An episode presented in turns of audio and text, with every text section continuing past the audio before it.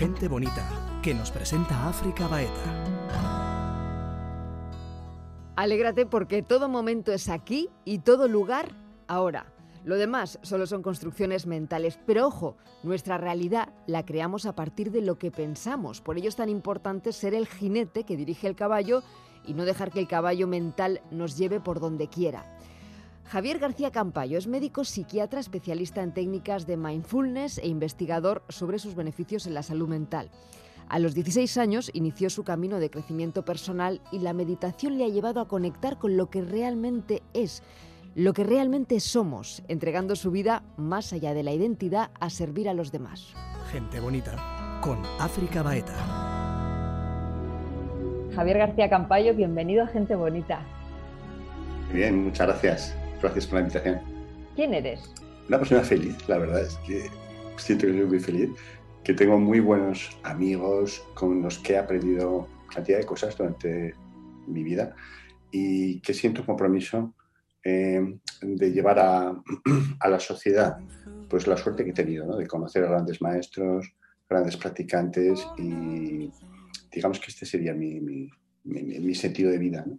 ¿Cómo, ¿Cómo ha sido ese camino tuyo personal? Brevemente, explícamelo antes de meternos en materia de deconstrucción del ego hasta llegar a la no dualidad. A ver, yo tuve la suerte de conocer cuando era muy joven, 17, 18 años, un gran maestro de meditación tibetano, ¿eh? Carlos Rinpoche. Conseguí estar relativamente cerca de él, incluso aprendí tibetano en la época ¿no? para poder profundizar más. Eh, yo creo que la experiencia de alguien que él, por ejemplo, hizo ocho retiros de tres años, que son los tradicionales en el Tíbet, ¿no? era una persona increíble. ¿no? Conocí a otras personas, no de ese nivel, pero también de un gran nivel. Todo eso me hizo ver claro, yo con 20, 25 años tenía claro que lo único que valía realmente la pena en la vida era meditar y las tradiciones espirituales, pero lógicamente había que vivir, ¿no?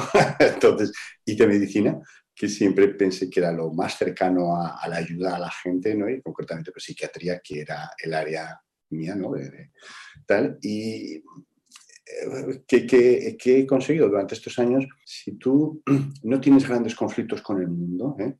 yo, eso es lo que trabajo mucho con la gente, es decir, no tener enemigos, el tema de la compasión, no odiar a nadie, sino sentirse en paz con todo el mundo, uno.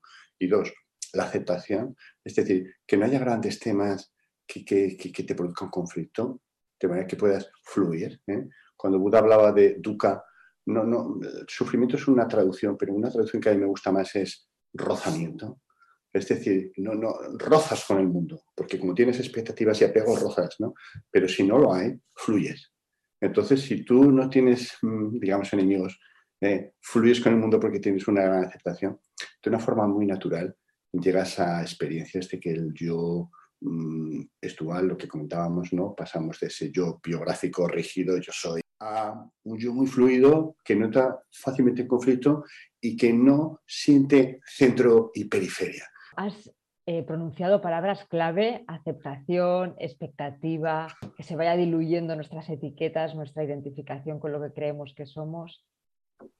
Pero en todo este proceso, la mente eh, no se tiene que apartar.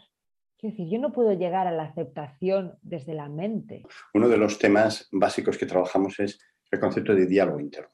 ¿no? El diálogo interno sería, en algunas tradiciones le llaman la charla, la voz, ¿no? Esa charla constante que mantenemos con nosotros mismos, ese es el diálogo interno. Mucha gente piensa que es imposible vivir sin ella.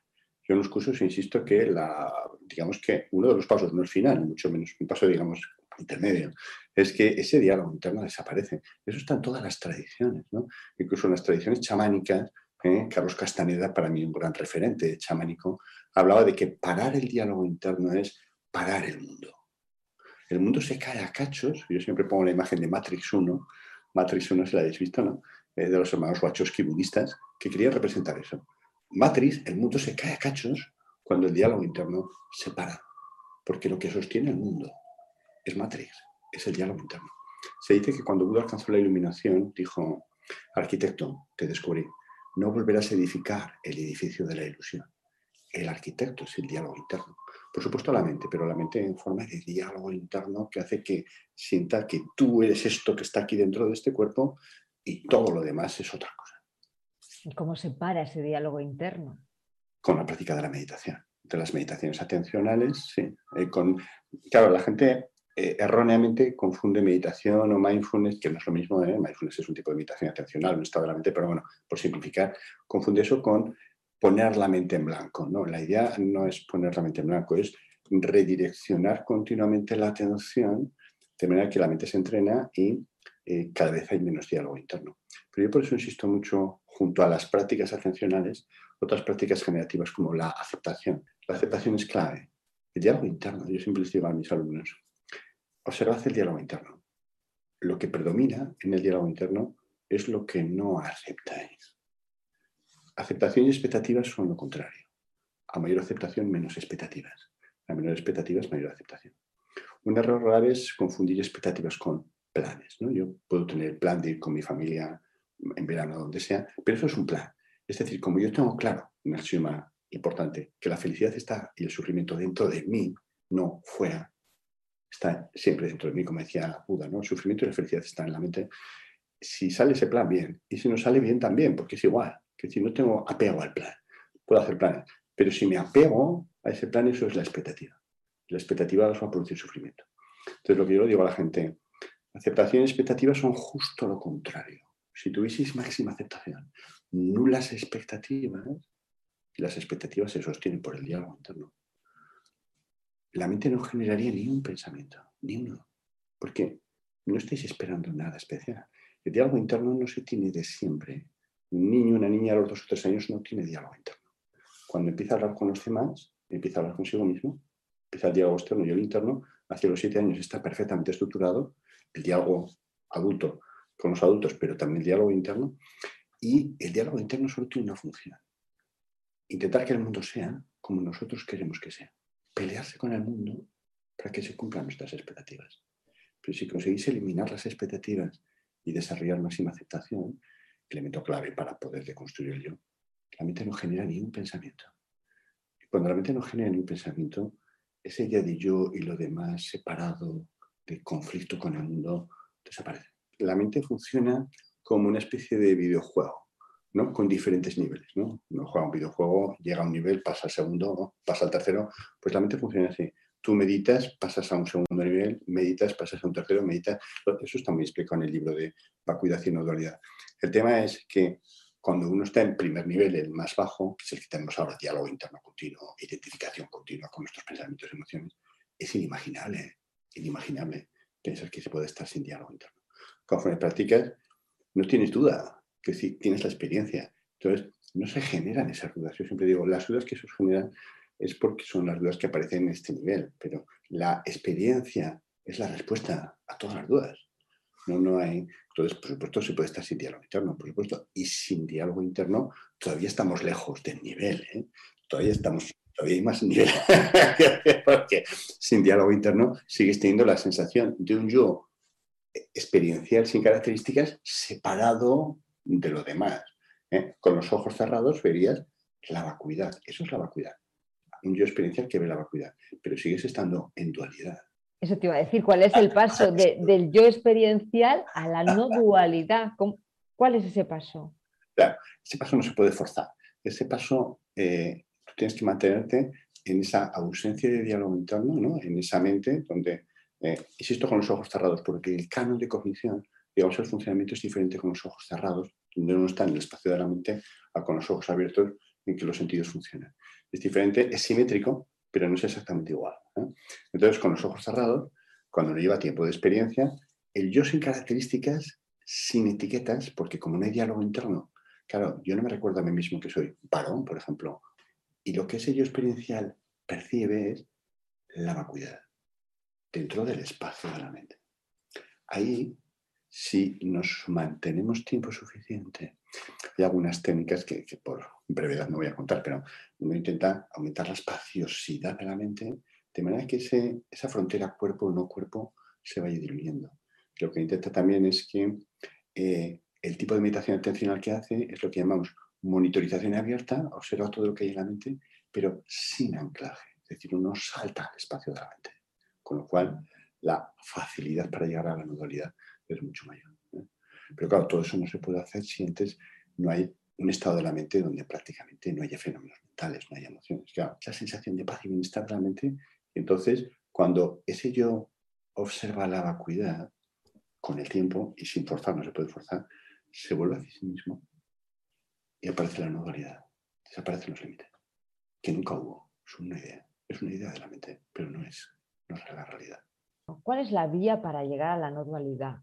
Hay algunas corrientes que son partidarias de la vía progresiva, de ir deconstruyendo el ego, ir conociendo los patrones, las creencias limitantes, y hay la vía directa. Sí, sí, sí. Efectivamente, yo creo que hay esas dos vías y ese tema está sin resolver. Este ha sido un gran debate, por ejemplo, en la tradición budista eh, durante siglos. Había tres, tres grandes tipos de meditaciones. Las atencionales desarrollan la atención, las generativas desarrollan cualidades que la mente no tiene, por ejemplo, compasión, aceptación, ecuanimidad, etc. Y las deconstructivas querían directamente a deconstruir ello. Entonces, dentro de las atencionales, perdón por tanto, pero hay tres tipos. Estaría la atención focalizada. Yo me focalizo, por ejemplo, en fosas nasales y monitorizo si estoy yo no en fosas nasales ¿eh? y tiene ciertas variables que son las que observo, la eh, estabilidad, la claridad, el esfuerzo se suele empezar con ellas. En mindfulness una crítica que se hace es que se entra directamente a monitorización abierta sin haber estabilizado la atención.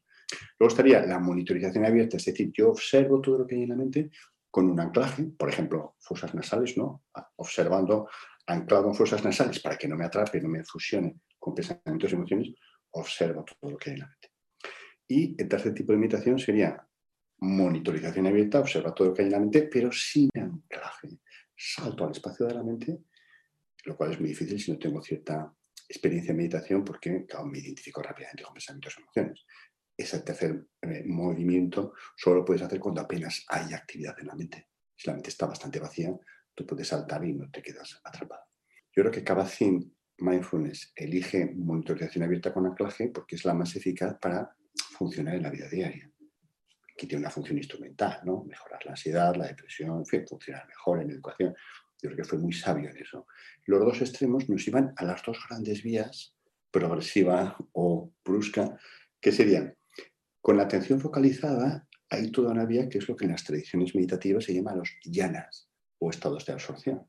Hay ocho estados de absorción. Buda llegó al séptimo, al octavo, luego se quedó encasquillado ahí, se dedicó luego a la, a la, al ascetismo, casi comer, etcétera, etcétera, los yanas serían una forma progresiva de alcanzar la iluminación y está muy estructurado, primer yana, segundo yana, está muy descrito.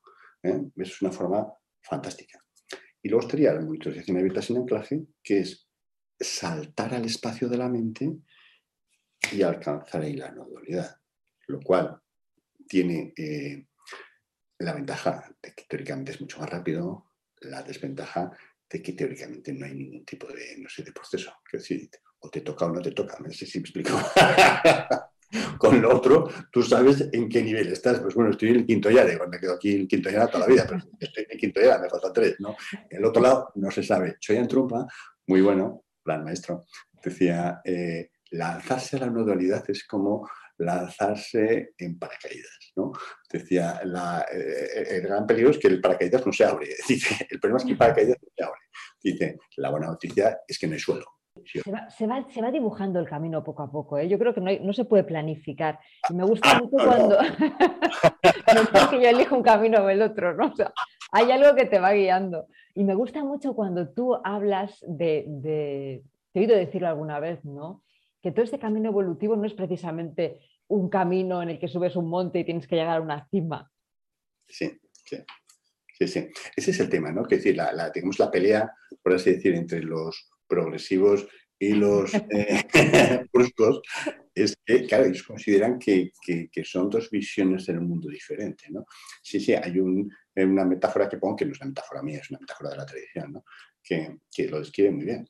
Es decir, en la metáfora, en, el camino progresivo, tú tienes la sensación de estar subiendo una montaña. Como con bicicleta vas subiendo una montaña y dices, bueno, pues estoy en el kilómetro 5, kilómetro 10, tú tienes 20 kilómetros, pues ya eso me faltan 10, ¿no? Y tal. Pero sin embargo, los deconstructivos totales, ¿no? Los bruscos, dicen, mientras sigas creyendo que vas subiendo la montaña y que estás cerca de la montaña, sigues con la falacia, sigues con la fantasía, sigues con el yo separado, etc. No, lo que tienes que darte cuenta es que la propia creencia de que estás subiendo una montaña es el sueño. Es que despiertas del sueño de que estás subiendo una montaña. Eso es brutal. Eso es brutal. esto no va de tener una meta de llegar a ser, sino del desapego, ¿no? De despojarse de todo lo que crees que somos y darte cuenta de que no eres lo que piensas que eres. Eso es. Entonces, claro, si hay una de todo o nada, que decir, aquí no hay medias tintas, o llegas o no llegas, todo o nada, ¿no? Dicen los bruscos. Mientras que los otros son una progresión, digamos, una visión progresiva. Bueno, aunque no llegues a todo, puedes llegar cerca de la mitad y tal. No, es una visión diferente. Esta es progresiva y esta es todo nada. Entonces, no, Fíjate, como psiquiatra, como psiquiatra Javier, eh, tienes que ver, bueno, te tienes que enfrentar a situaciones realmente, no sé si, no sé llamar, cómo llamarlas así, de impotencia, porque bueno, me imagino que, el ser humano en el momento en el que vive identificado con, su identidad, con su personaje, eh, vive en una neurosis permanente. En un sufrimiento increíble. Es tremendo, ¿no? Es tremendo. Yo veo soy psiquiatra, paso algunos días en la consulta, ¿no? que estoy en la universidad también mucho tiempo, eh, pero una cantidad de sufrimiento increíble como vemos cualquier profesional de la salud, por esa identificación absoluta, pero por temas, que, a veces los temas son más entendibles, ¿no? como los hijos, la familia, tal, pero a veces los temas son pequeños aspectos de, no sé, del yo. Es decir, igual yo soy muy, no sé, conocido deportista, entonces a los no deportistas no los puedo ver, porque me explico. Esto pasa mucho y a vosotros que me escuchan se ofenderán, pero por ejemplo, yo lo veo pues, con el vegetarianismo, con, tipos, con cosas de ese tipo. Hay gente que está especialmente pegada a esas etiquetas, incluso a la etiqueta de ser meditador. ¿no? Yo digo a la gente, es que es increíble. Para mí, en los libros lo pongo a veces, ¿no? Es la, eh, la enfermedad de los meditadores. Sentirse mejor que los que no meditan porque piensan, yo, yo medito, entonces, es, el colmo, ¿no? Si meditamos para ser más felices nosotros y los demás, para, para que el mundo vaya mejor, para ayudar a los demás, es volver a, separarte y a decir, no, nosotros los meditadores somos la casta, ¿no? Y toda esa gente es, tremendo. pero, pero eso es el yo, el yo que es vacío, ¿no? Por esencia, es buscando rellenarse. Entonces, el ego espiritual es muy sabroso para, el, para, el, para ese yo. Uno de los grandes maestros zen, habla de los proyectos de carencia. Lo comento yo también, me parece fascinante. ¿no? Es decir, como Dios sabe que está vacío, tiene que meterse en líos que justifiquen su existencia. Pueden ser líos, proyectos de carencia individuales ¿eh? o colectivos. ¿no? Mm, tener fama o tener riqueza incluso son proyectos de carencia muy bien estructurados, ¿no? Ser, meterme en una ONG y pelear porque el mundo vaya mucho mejor, etcétera, etcétera. Eso, si lo haces realmente desde la profundidad de la experiencia, ni siquiera te puedes apegar a eso. ¿Me explico? Lo haces de una forma natural y tal, pero no ego en ello. es una diferencia. Y desde luego no sientes que los que no apoyan esto son malos y nosotros somos los buenos, porque vuelves a caer en la dualidad de siempre. Es más de lo mismo. ¿No? Todo, como dicen los, los chinos, ¿no? Todas las peleas de los seres humanos son como una pelea de hormigas en los cuernos de la serpiente. Qué bueno. Menor, ¿no? pero, la vida es, sabia luego, llega un punto en el, que, en el que por H o por B te sucede algo que te enfrentas precisamente a, a, esa absurdidad del yo, ¿no? Vamos a llamarlo así, ¿no? O sea, eh, una depresión, un ataque de ansiedad, entonces de repente eh, muchas personas entran en un proceso de deconstrucción de su propio yo y darse cuenta de que no son eso. Pero en ese camino hay otro vacío del que hablábamos antes, que es el que algunos místicos, ¿no? creo que San Juan de la Cruz le llamó la noche oscura del alma. Sí, sí, sí, ¿Qué, pasa en ese momento? Es cuando descubres que todo lo que tú has construido o crees que eres no existe. No existe, exactamente, sí. Y eso efectivamente produce una revolución interna tremenda. ¿no? La mayor parte de la gente, la forma, si no es muy meditadora o muy contemplativa, como quieres llamarlo, tiene de, sobrevivir es reconstruyendo un nuevo yo y siguiendo para adelante con otro yo más vendible. ¿Me explico? Porque eh, la gente que, eh, que, es muy meditadora, claro, eh, la sensación es que está llegando a donde tiene que llegar. Lo que pasa es que, claro, aparecen todos los apegos del yo anterior, aparece, porque claro, nuestra vida no es solo sufrimiento, es una mala traducción del, de dukkha en el budismo. ¿no? Es que la primera noble verdad, la vida es sufrimiento. No, no, no se traduce así. La vida es decepción, decepción. porque claro, claro que hay felicidad, ¿no? La sensación de pareja, de amigos, de sexo, de placer, etcétera, eso es muy agradable, eso apega mucho.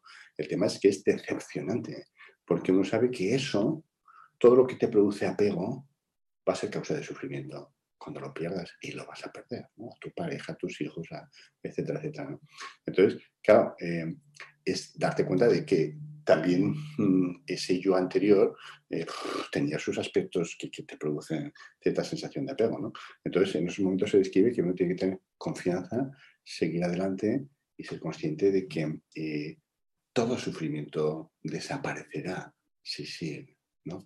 Pero claro, es como caerse al vacío, ¿no? La descripción que dicen es, saltar al vacío y no saber qué, qué, va a pasar ahí, ¿no? Es una sensación de miedo. Cuando el yo va diluyéndose, la sensación de miedo es terrible, ¿no? Yo no soy este cuerpo, yo no soy esto, yo no soy esto. ¿Qué soy yo? Pues, pues la conciencia última. Pues no hay diferencia con, con el ser último, ¿no? Entonces, eso son momentos que pueden durar además meses y tiempo, ¿eh? eh duro para la gente, ¿Y cómo se da ese paso, no? ¿Cómo se da ese salto al vacío? Porque hay un punto, tú lo has dicho, ¿no? Hay un punto de vértigo tan grande que te tiras para atrás y construyes otro personaje o realmente vas para adelante y te lanzas al vacío. Sí. Eh, yo creo que, pues lo que te decía, ¿no? Que el tema clave es la, confianza. En ese momento, la confianza en tus maestros, por eso yo defiendo bastante las tradiciones que tienen maestros, que tienen la confianza en ese linaje, en esos maestros, es la que te, te da la fuerza necesaria para decir, bueno, voy a saltar, voy a saltar. Trumpa y otros maestros decían que, que, ese es el momento cumbre, ¿no? En el que tú tienes que tener tal fe, tal fe, no una fe ciega, no sé, como en nuestra tradición católica de algo que no existe, no, no, una fe de que se puede llegar porque otros han llegado anteriormente. ¿no? Tú has conocido a tus maestros, has visto, has visto que, que están en otro mundo, en otro nivel, en otra, y quieres unirte a ellos ¿no? Sabes que eso es posible porque lo has visto, que otros lo han hecho y tienes la confianza porque ellos te dicen que si te tiras por ese precipicio, pero es un precipicio, el precipicio del yo, del vacío, llegarás a eso. Hace falta esa fe. Yo creo que por eso las tradiciones en que no hay un maestro son mucho más complicadas. ¿no? La tradición cristiana, por ejemplo, San Juan de la Cruz, Santa Teresa, me parece especialmente difícil, ¿no? porque, claro, no hay una tradición, no hay un maestro, no hay un sistema. ¿no? Tú solo llegas a eso y, claro, tu fe en Dios es la que te lo permite, pero no tienes, digamos, el puente intermedio que es un maestro que ha alcanzado eso y que te, estimula ¿no? como modelo para tirar adelante. ¿Consideras que has encontrado la verdad? Los maestros dicen, ¿quién la ha encontrado? no había nada. ¿Y dónde está eso? ¿no? a veces cuando le das las gracias, no, maestro, esto es por haberte transmitido, dice, gracias. ¿A quién? ¿A quién? A nadie. Entonces, eh, la, idea de yo encuentro la verdad sigue siendo dualista, ¿no? Ahí está, ¿no? Pero bueno, yo creo que, que, que, que he experimentado, he tenido la suerte de experimentar cosas increíbles, ¿no? Como la película, ya sabes, ¿no? He experimentado cosas que los humanos no han experimentado. ¿Cómo qué? Cuéntame, que me quedo con las ganas, Javier. Es que no me acuerdo del nombre de la película, eh, es un clásico, no me acuerdo. Lo que acaba ahí es un robot que lleva años viviendo y tal y que cuenta esa experiencia. Yo creo que, he tenido experiencias interesantes, pero que hay muchas más, ¿eh? y mucho, hay mucha más profundidad, etcétera. Pero pienso que eso vale la pena una vida así. Quiero decir que eso te, te, abre, yo también creo, como otra mucha gente, que hay más, ¿no? Después de la muerte, y que, bueno, sí, etcétera, etcétera. Eh, entonces pienso que, que, que he tenido mucha suerte. Y agradezco, y parte de mi compromiso es devolver al mundo todo lo que he recibido. Y después de esas experiencias, eh, ¿te atreverías a decir qué es la vida o qué sentido tiene la vida, si es que tiene algún sentido? Sí, yo, yo sí que creo que tiene un sentido, ¿no? Eh, yo hablaría de como de tres niveles, ¿no? Para la mayor parte de la gente que no tiene inquietudes espirituales y tal, todo el diálogo interno eh, funciona y todas sus acciones tienen eh, un solo motivo, buscar la felicidad y aún más evitar el sufrimiento. Digamos que en ese nivel uno, evitar el sufrimiento es más importante todavía que buscar la felicidad. Por ejemplo, si yo tengo varias parejas que me ha ido mal, veo una chica que me gusta, y digo, ¡guau! Me gusta, pero he sufrido tanto que prefiero no intentarlo. ¿eh? La evitación de sufrimiento es mayor que la búsqueda de felicidad. En un segundo nivel, el tema sería el sentido de la vida y los valores, que se trabaja, nosotros trabajamos mucho con eso, hay escuelas que trabajan mucho, ¿no? por ejemplo, aceptación y compromiso, etc. ¿Y qué sentido tiene la vida? Al final de mi vida, hacemos el ejercicio del anciano, por ejemplo, cuando tengo 80 años y tengo toda mi vida por delante, ¿qué sentiré? ¿Qué es lo que ha valido la pena en mi vida? Ahí no aparece nada de tema laboral, ni de éxito, ni de nada. En general, lo que suele aparecer es todo lo que has hecho por otra gente, todo el afecto que has recibido, etc. Eso te permite identificar bien tus valores y si lo puedes estructurar en forma de frase, la recomendación es poder por las mañanas decir, estos son mis valores, ¿no? Voy a crear mi familia, voy a hacer lo que pueda por el mundo, para no irte, para no despistarte, porque la vida te atrapa y te vas de los valores. Pero en un tercer nivel, cuando ya llegas a, ciertos niveles de construcción, esto que voy a decir puede parecer fuerte, ¿no? Quiere decir, eh, las acciones tienen otra función, ¿no? Eh, en el Bhagavad Gita se dice, le dice Arjuna, cuando consigues encontrar la no acción en la acción y la acción en la no acción, habrás alcanzado la sabiduría. Eso lo que quiere decir es que una persona sabia, una persona que ha llegado a este nivel increíble, antes de realizar una acción, no, no tiene la voluntad o el deseo de realizar la acción, sino que actúa porque el ser humano no puede dejar de actuar, no podemos dejar de actuar, actúa porque considera que el mundo lo pide, que el universo lo pide. Pero no es un acto de voluntad, es un acto de conexión con el universo.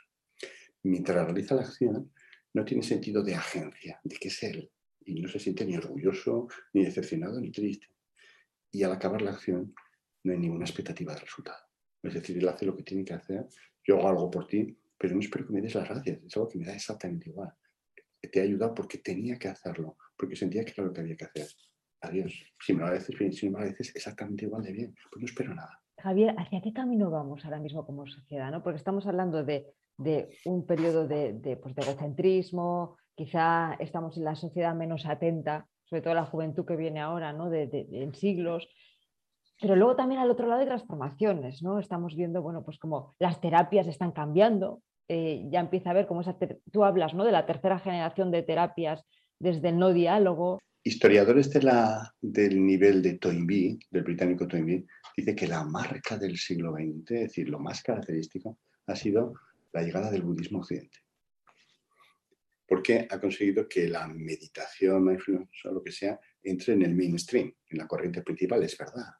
Es decir, todo el mundo sabe ahora lo que es meditar, luego meditará o no, le parecerá o no, como el fútbol, ¿no? Practicará o no fútbol, pero, todo el mundo sabe lo que es el fútbol, todo el mundo sabe lo que es la meditación. Y que este es el cambio del siglo XX, la marca. Yo creo que hago de eso ¿no? Yo creo que en este momento hay dos fuerzas eh, que están, digamos, peleando entre sí, ¿no? Yo creo que eh, toda la preocupación por la felicidad, el bienestar, las tradiciones contemplativas, la meditación, mindfulness ha tenido mucho que ver, mucho que ver, más que el budismo como tal. Y yo a veces digo que la forma que se mantendrá el budismo es mindfulness, pero es una, es una hipótesis, eh, está haciendo que la sociedad cambie y sea muy consciente de eso. Y estamos viendo los mejores momentos de la humanidad en algunos aspectos. Pero también Claro, el desarrollo tecnológico, económico, etcétera, es brutal, el apego es brutal, las nuevas generaciones están muy influenciadas por todo esto negativamente, ¿no? Por, por la escasez de tiempo, por eh, también la dilución de los valores, ¿no? Estamos en una sociedad que los valores ya ni saben lo que es eso, y todo eso con eh, la, la, emergencia ecológica.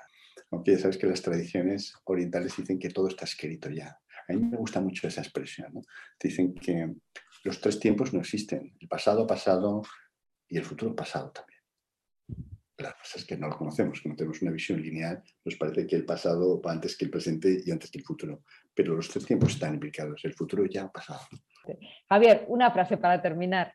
Eh, yo seguiría la que dijo Buda, ¿no? la felicidad y el sufrimiento están en la mente. Yo creo que cuando eso lo tengamos claro, dejaremos de buscar fuera lo que no existe. La felicidad y el sufrimiento no están fuera. No está, como dice la sociedad de consumo, en tener más, en conseguir esto, en hacer lo otro. No, la felicidad y el sufrimiento están dentro de nosotros. Cuando tengamos claro, el mundo cambiará. Muchísimas gracias. Un placer. No lo olvides, el sufrimiento y la felicidad están en la mente. Te invito a visitarnos en nuestro canal de YouTube Gente Bonita. Allí podrás ver la entrevista completa y por supuesto a seguirnos en EITV Podcast.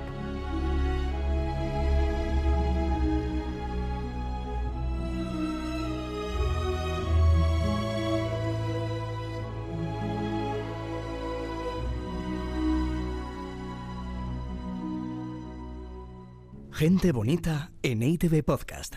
Escúchanos y suscríbete. Walking through the dark night, calling out your name, waiting for an answer. Or do we end up here? We're trying to find a shoreline with no crown beneath my feet.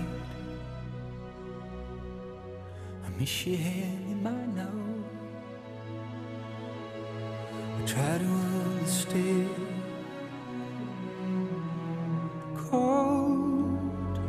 we are,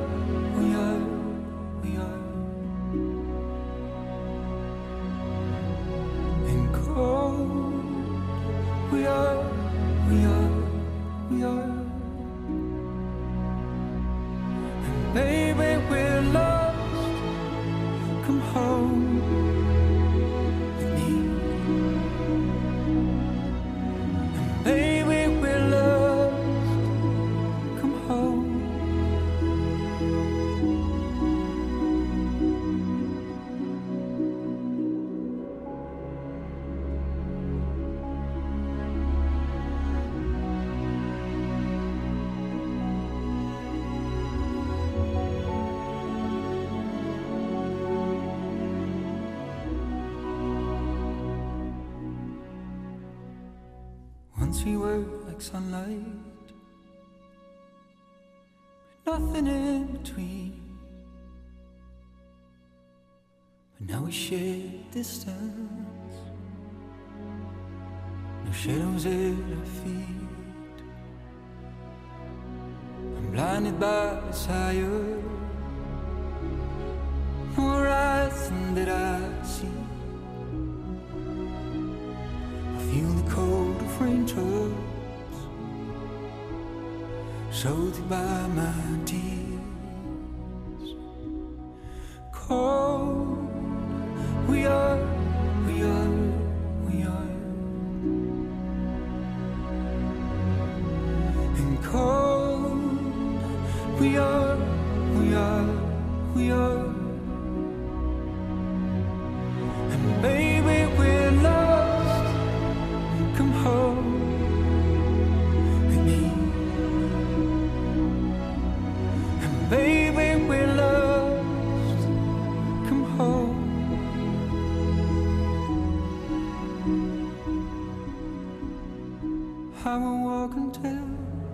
A new day will break, till the hurt wears off and the storm will fade. We will talk again about the difference, and we both will see that our love is grown. And baby, we're lost. Come home with me.